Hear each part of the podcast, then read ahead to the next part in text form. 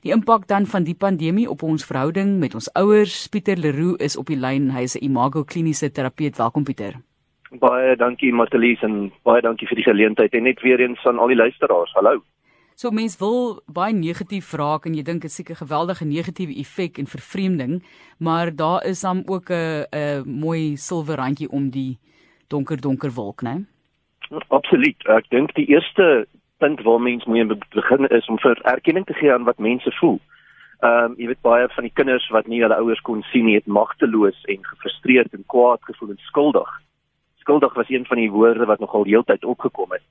En ouers het hierdie ervaring gehad van eensaamheid, inperking. Iemand het selfs gesê ons stukkie paradys uh, het 'n tronk geword.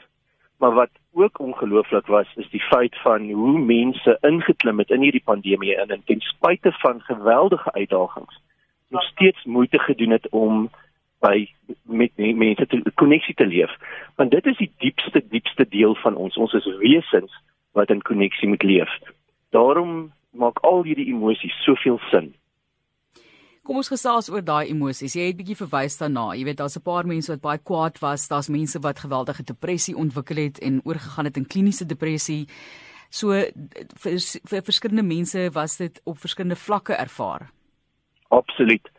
Weet jy, ek kan dit uh, iemand het dit so baie mooi gesê en ek kan dit nie beter sê nie.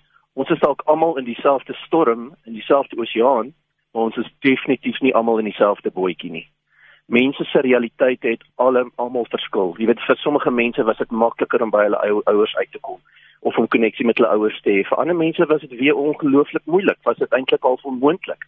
Ehm um, soos ek gesê het, daai afdrieoorde wat eintlik soos 'n klein tronk geword het en niemand kon ingaan nie. Niemand kon koneksie met hulle met hulle ouers hê nie. So almal se realiteite het drasties verskil en ek dink as ons dit besef, dan dan kan ons deernis daarvoor begin ontwikkel. En hierdie liedjie wat jy gele gespeel het net voor hierdie onderhoud, be kind, always be kind, dis so belangrik want hierdie deernis gaan my noop om meer ondersteunend te wees vir almal wat in hierdie verskillende realiteite is. So mense kan op die SMS-lyn vra vra, hulle kan hulle ervarings ook met ons deel. En 'n mens dink nou ook aan byvoorbeeld huwelike wat op die rotse geloop het? Nee, Daar's allerlei effekte wat mense ervaar het. Weer eens in die toekoms gaan ons daaroor gesels, maar kom ons kyk gefvinnig net na hoe ons dit moet hanteer hierdie hele situasie. Jy sê nou ons ervaar dit as individue en baie verskillend, maar wanneer mense nie tyd saam kan spandeer nie, en mense dink ook aan baie mense wie se kinders oorsee sit wat landuit is. Hulle is nog ja. hier en nou kan jy nie ag sommer net gevinnig kom kuier nie. Daar's dalk nie geld nie of dit is nou hierdie inperking in Grendel tydperk. Hoe hoe moet mense dit hanteer? Dit absoluut. Weet jy en ek dink dit begin met perspektief. En hier wil ek net vinnig praat oor die twee woorde nuwe normaal teenoor nuwe realiteit. Weet jy, ons almal praat van die nuwe normaal, so asof hierdie omstandighede waarin ons is normaal is. En dit is eintlik heeltemal die teenoorgestelde. Dit is absoluut abnormaal want ons moet in koneksie leef met mekaar. Ons is, jy weet, ons wil ons wil vat, ons wil kuier, ons wil drukkies gee. Ons wil in daai in daai spasie saam met mekaar wees. So as ons gaan praat van die nuwe normaal, is dit gaan dit net nooit lekker sit nie. So hier in die binnekant nie. Maar as ons praat van die nuwe realiteit, dan kan ons sê goed, hierdie is nou die realiteit van my lewe. Hierdie is nou die ding wat nou ingekom het. Ek het dalk nie 'n keuse gehad dat die realiteit in my lewe ingekom het nie, maar ek het altyd 'n keuse in hoe ek dit gaan hanteer. En hier wil ek noem wat baie belangrik is, kies nog steeds koneksie.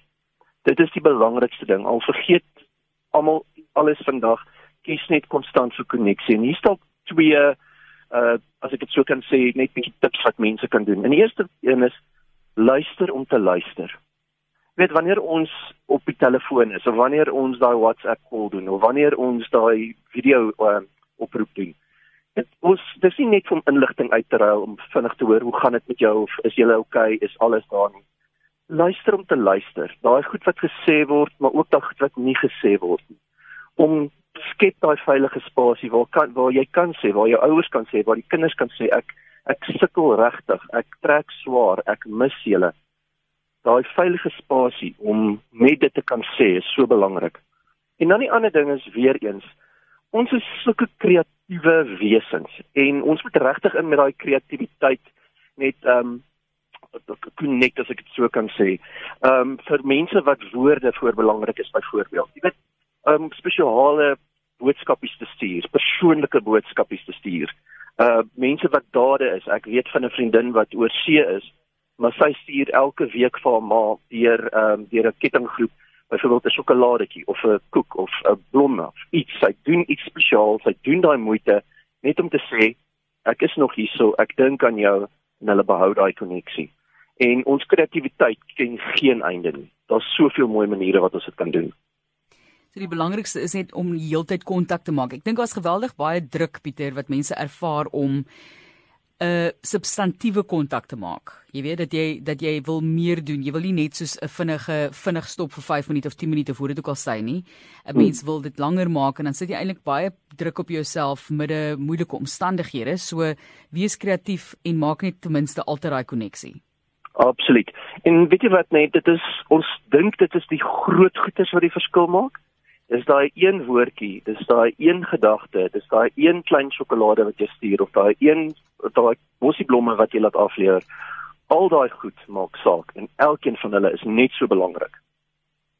Dit is hier op RSG waar ons gesels het met Pieter Leroux. Hy is 'n imago kliniese terapeut en die impak van die pandemie op ons verhoudings met ons ouers. Baie moeilike situasie. Jy weet daar is mense Pieter dan sien jy oor see. Ek dink dit was 'n uh, dit was 'n aftreeoord geweest wat 'n manier gevind het vir kinders om en kleinkinders om vir hulle ouers 'n drukkie te kan gee. Dis deur 'n plastiek seil wat hulle opgesit het met hande in. Jy weet wat hulle arms ingewerk het kan jy glo dat mense so ek dink dis baie kreatief sodat iemand net vir iemand dalk 'n drukkie kan gee. Absoluut. Uh, die een van een van die stories wat ek ook gehoor het is van ehm um, iemand wat oor see bly en hulle ouers is hierso maar hulle besluit om nog steeds sonnaandag saam ete te hou. So hulle het voor die tyd die ete ehm um, voorberei en 12 uur het hulle begin en die video uh, op op hulle gesit en hulle het almal nog steeds saam so virtueel geëet vreeslike mooi. Pieter het ook vinnig ook op die noot van fisiese kontak. 'n Mens vergeet hoe belangrik fisiese kontak eintlik is vir 'n persoon. Uh en hoe belangrik dit, dit is om aangeraak te word, nê? Nee? En ons praat nou nie van romanties nie, ons praat van 'n drukkie of 'n soen op die wang of hoe dit ook al sê. Watter rol speel dit ook in daardie koneksie en dan in hierdie tyd wat jy nie eintlik dit wil doen nie, want jy's bang jy dra hierdie siekte oor aan iemand? Absoluut. Kyk hier moet mense net dis dis weer eens dit is so 'n moeilike paradoks. Aan hierdie kant aan die een kant ons wil daai aanraking is so belangrik. Ons sien dit elke dag in ons pasiënte byvoorbeeld met ons kankerpasiënte wat hulle net sê jy weet waar jy waar hulle geen immuunstelsel het nie maar hulle wil net sê hou net my hand vas hou net my hand vas dat ek net kan voel hier's iemand by my. En dit is belangrik dat ons dit doen. Dit is belangrik dat ons nog steeds daai aanraking het met mekaar maar doen dit altyd veilig doen dit op 'n veilige manier